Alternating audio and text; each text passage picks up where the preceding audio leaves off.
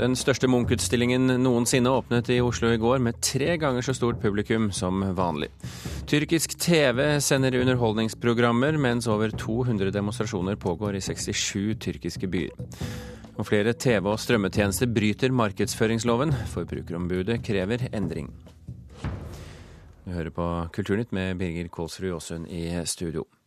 Den største Munch-utstillingen noensinne åpnet for publikum i går, og til tross for voldsomt regnvær i hovedstaden er både Munch-museet og Nasjonalmuseet godt fornøyd med publikumsbesøket på åpningsdagen. Jeg hadde lyst til å se Skrik og Syk pike. En av de yngre besøkende har plukka ut sine favoritter blant de 220 bilder i jubileumsutstillinga Munch 150. 1251 var innom Munch-museet på åpningsdagen mens 3371 besøkte Nasjonalmuseet. Dette er gode tall, forteller direktør på Nasjonalmuseet Audun Eckhoff. Det er vel, vel sånn ca. tre ganger så mange som vanlig, og det regner vi vel med vil fortsette. Vi regner jo med å få en, kanskje en 150 000 besøkende på denne utstillingen. Eh, kanskje kommer vi til å få flere også. Blant horder av folk og paraplyer i inngangspartiet forteller Eckhoff at svært mye arbeid ligger bak. Det er et arbeid som har tatt eh, flere år, og som har involvert svært mange medarbeidere. Det er en eh, utstilling som man eh, neppe vil oppleve mer enn én en gang i sin levetid. Og den beskriver jo og viser verk fra hele Munchs levetid. Og så er den jo Sånn at den fyller nesten hele 2. etasje Nasjonalgalleriet og hele Munch-museet. Det er en kjempestor utstilling. Ja, Munch 150 er den største Munch-utstillinga noen gang. Og den viser Munch sine bilder i mer eller mindre kronologisk rekkefølge. Ofte vist på vegger malt i sterke farger som oransje og lyseblått. Ja, jeg syns jo det var interessant å få sett en, en, god del bilder som jeg aldri har sett før. Um, I think the one thing I have noticed is how um, Monk like reproduces the same images but at different points in his career and they appear different every time. So I like the way you get to see the Bildet laget mellom 1882 og 1903 er på Nasjonalgalleriet. For å se bilder fra 1904 til 1944 drar vi til Munch-museet på Tøyen. Why did you choose to come here today? Um, probably to see the way scream. Køa strekker seg ut hovedinngangen og ut på plassen, hvor folk prøver å gjemme seg under paraplyene, mens de venter på å komme seg gjennom den omfattende sikkerhetskontrollen på Munch-museet. Jeg leste omtalen i Aftenposten i går. Ja, og så er vi en tur her i Oslo. Vi kommer fra Egersund. Så var det en god anledning. Det er jo mye litt sånn dystert, men det er jo eh, flotte bilder allikevel. Ei fransk turgruppe går gjennom rommet som viser billedserien Livsprisen. En mann fra USA har merka seg at mange av bildene på Munch-museet fra slutten av Munch sitt liv er prega av sterke blikk. In many of the, the paintings where there's several figures, there's always one who's staring at you. And this, this confrontational look that's making you look at yourself and making you see yourself in the portrait and almost the portrait looking out at you. Til nå har altså mottakinga vært god, også blant anmelderne. VG ga terningkast seks. Dagbladet mener utstillinga er et must, også Mona Palle Bjerke i NRK er begeistra. Jeg syns de har klart på en veldig god måte å vise både bredden, men også sammenhengen, den indre sammenhengen hos Munch. Og jeg er veldig begeistret for at de har latt selvportrettet danne en slags ramme for denne utstillingen, og en rød tråd. Fordi selvportrettet er så viktig hos Munch. Ei utstilling helt utenom det vanlige, mener direktør for Nasjonalgalleriet Audun Eckhoff. Dette er jo den store Munch-utstillingen. Vi har kalt den en once in a lifetime experience. Og det sa Eikhoff til reporter Sondre Bjørdal.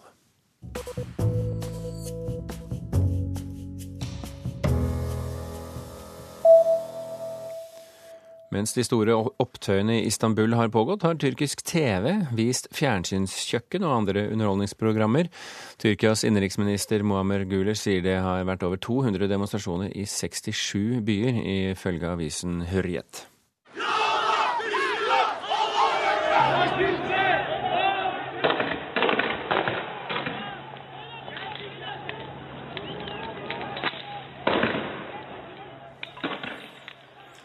Visepresident i internasjonale PEN, Eugen Sjulgin. Du kjenner godt situasjonen for tyrkiske journalister. Hvordan vil du beskrive medienes dekning der av demonstrasjonene de siste dagene?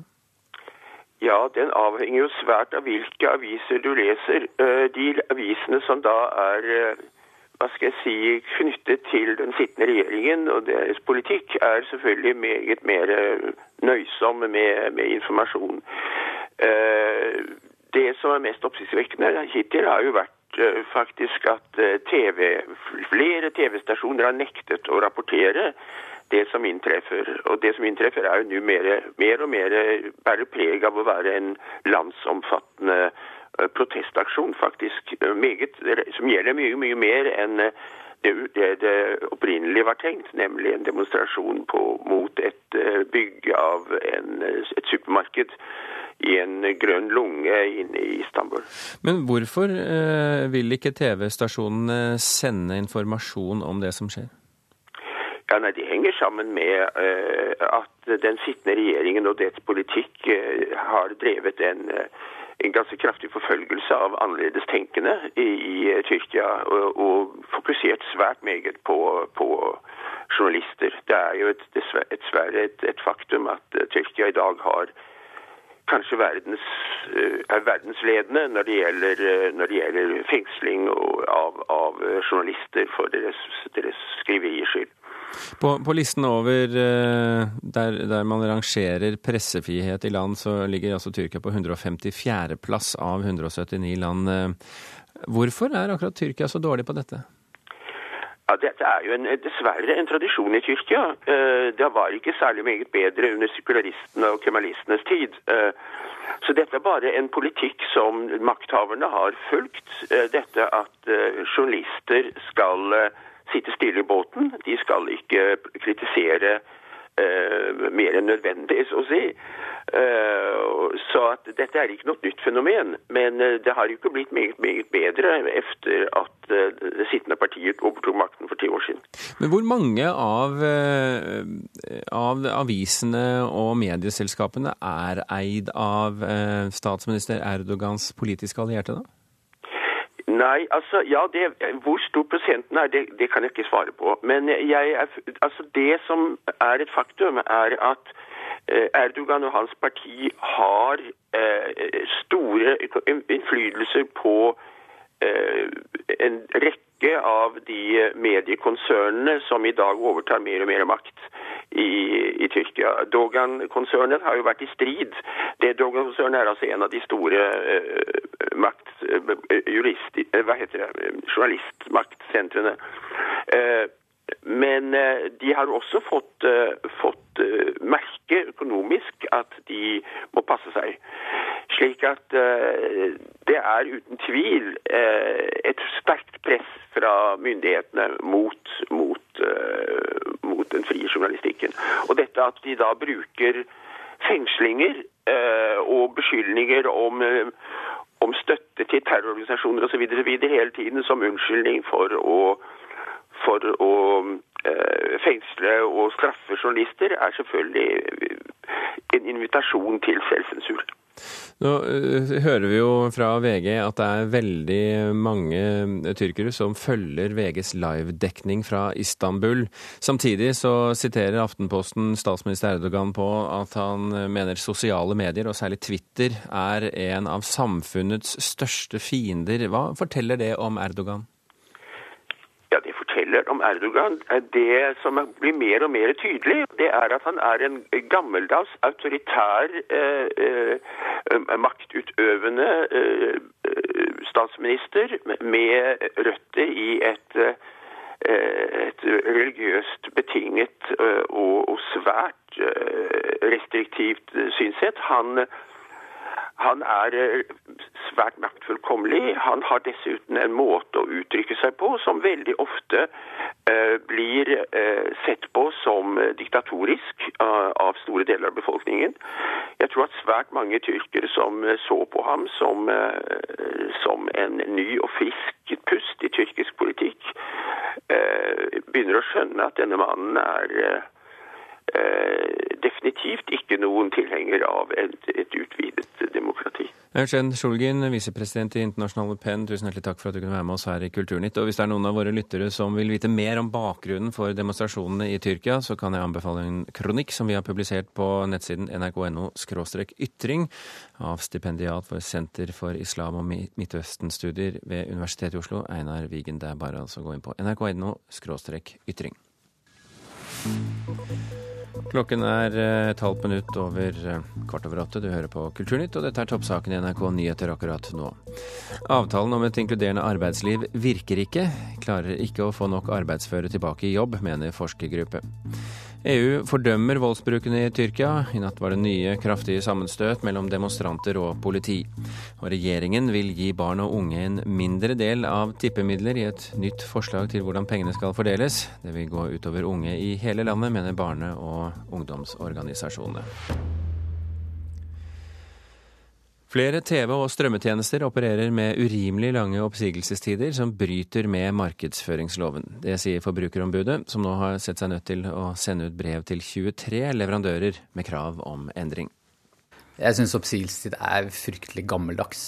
Eh, det var sånn man hadde på 90-tallet for å få mest mulig penger ut av kunden. Daniel Rosenquist er en av mange som har opplevd trøbbel med langvarig oppsigelsestid. I Daniels tilfelle var det først og fremst en avtale med en nettleverandør som var vanskelig å si opp. Forbrukerombudet har mottatt mange lignende klager på forskjellige tjenester, og er nå bekymret over det de mener er lange og urimelige oppsigelsestider. Vi har sett at du kan gå mot fire måneder før du kommer deg ut av en avtale etter at du bestemte deg for det. Det sier forbrukerombud Gry Negård. Hun mener problemet er spesielt utbredt blant leverandører av TV- og strømmetjenester. Nå vil hun ha en endring. Vi har gått gjennom 22 eh, eh, leverandører, altså tjenestene fra 22 leverandører, og sett hvordan de kontraktene er og hvilke opplysninger som forbrukerne får. Og Vi har sendt brev til de, alle de nå og redegjort for hvordan vi, vi mener at det her bør være, både med hensyn til bindingstid, oppsigelsestid og informasjon som gis til forbruker. Forbrukerombudet mener at oppsigelsestider som er lengre enn en måned, strider mot markedsføringsloven. Hvis eh, de har bindingstider f.eks. som det ikke er grunnlag for å ha, så det er et urimelig avtalevilkår. Og det vil det også være hvis du har for lang oppsigelsestid. Eh, da er det også et urimelig vilkår som vi eh, vil prøve for Markedsrådet, som er domstolen på det området her.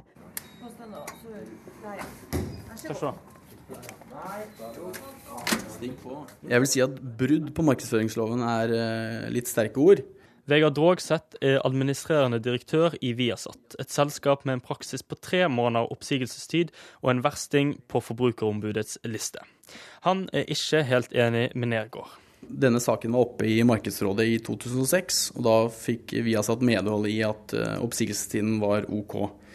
Men når det er sagt, så har markedet endra seg vesentlig siden 2006. Så eh, vi ser fram til å ha en dialog vi med Forbrukerombudet, og bransjen ikke minst, på hva som er eh, OK vilkår for tilbydere. Nå er det jo en hel jungel av tilbydere, og jeg, jeg ville personlig gått for en som eh, sier at du kan nærmest si opp på dagen. Mens Daniel vil kunne si opp på dagen, mener Viasat-direktøren at oppsigelsestiden er en økonomisk sikkerhet når selskaper gjør store investeringer for å bedre tilbudet til forbrukerne. Historisk sett så henger nok oppsigelsestiden eh, sammen med et ønske om å ha en forutsigbarhet. Eh, spesielt i forhold til kjøp av dyre rettigheter og investering i ny teknologi, så, så gir det en trygghet på investeringen. Eh, men når det er sagt, et nytt marked et utviklet marked med nye konkurrenter krever også at vi tilpasser oss til den nye markedssituasjonen, og det er noe vi, i satt er helt åpne for å gjøre. Reporter her, det var Jaran Ree Mikkelsen.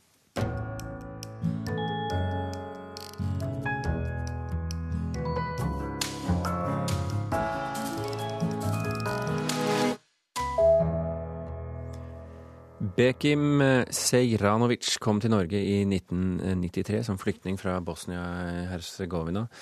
Etter det har han studert eh, slavisk litteratur, oversatt bøker av norske forfattere som Frode Grytten og Ingvar Ambjørnsen, og han har skrevet bøker selv som har vunnet lesere og priser på originalspråket. Nå kommer roman nummer to på norsk. Vår anmelder mener tittelen 'En bedre slutt' er litt eh, slapp, men at selve romanen er alt annet enn slapp. La meg starte med det helt banale. Det er en fin ting å lese bøker der folk som ikke er født her, har norske referanser som en helt naturlig del av historia si. Dette er ei ganske eksklusiv glede, som jeg tror en må komme fra et lite land resten av verden ikke er så interessert i for å forstå. Men boka har også andre kvaliteter. Vi møter fortelleren, en ung mann, mens han lever et rolig eremittliv på hytta til bestefaren en stad på Balkan. Etter hvert forstår vi at han har eh, fått nok av det veldrevne og regulerte landet Noreg, og har reist for å oppleve det mindre strigla fødelandet. Og etter det igjen forstår vi at denne pendlinga er en slags normalitet. Vår mann lever i et evig presens, der tida går mens han glor ut vindauga eller går på tur, fester, doper seg, sjekker damer. Når damene blir for vanskelige eller pengene tar slutt, flytter han seg til en annen stad. Han praktiserer en la det skure-strategi, som stiller visse krav til verden rundt han om å sette grenser og slutte mens leiken er god. Og når de rundt han, til dømes kvinner, ikke tar jobben med å slå opp i tide, blir det riktig ugreit. På et eh, slentrende og svært velformulert vis utforsker forfatteren klassiske spørsmål omkring fridom og ansvar, kjærleik og sex, slektskapsband og ideologiske villfaringer, uten å gjøre særlig nummer av det. Han eh, utleverer hovedpersonen sin uten å fordømme han, og han gir til beste ei god historie om en mann som er rik på opplevelser, men fattig på stabilitet, faste inntekter, karriereplaner og nære vennskap. Dette er ikke ei bok om Balkan, eller om å komme til Norge som flyktning. Det er ikke ei bok om krig og om traumer og flyktningmottak, og om hvor vanskelig det er å forstå det nye landet og det nye språket. Deler av dette ligger kanskje som et bakteppe, men romanen er historia om dette ene individet som kroter ned historia si i ei kladdebok, og som neppe har ambisjoner om å representere flyktninger fra Balkan, eller noe som helst annet enn seg sjøl. Han eh, likner mer på rastløse og grenseløse karakterer i annen samtidslitteratur, som jo eh, Anne Oterholm eller Trude Marstein. Karakterer som tek, trekker tida ett hakk lenger og syner hva vi er på randa av. En bedre slutt er rett og slett en europeisk samtidsroman det er verdt å merke seg. Sa Marta Norheim, og En bedre slutt av Bekim Sejranovic er oversatt til norsk av Jon Kverne. I eh, Russland er Norge blitt et eh, populært turistland. Skoleferien eh, er i gang, og bare Bergen kan vente seg 20 000 russiske turistbesøk nå i sommer. Og norske myndigheter er i gang med å markedsføre Norge som stedet for en av russernes yndlingsgjøremål, nemlig fisketur. Og Russland-korrespondent Hans-Wilhelm Steinfeld, hvordan merker russerne norske myndigheters lokk?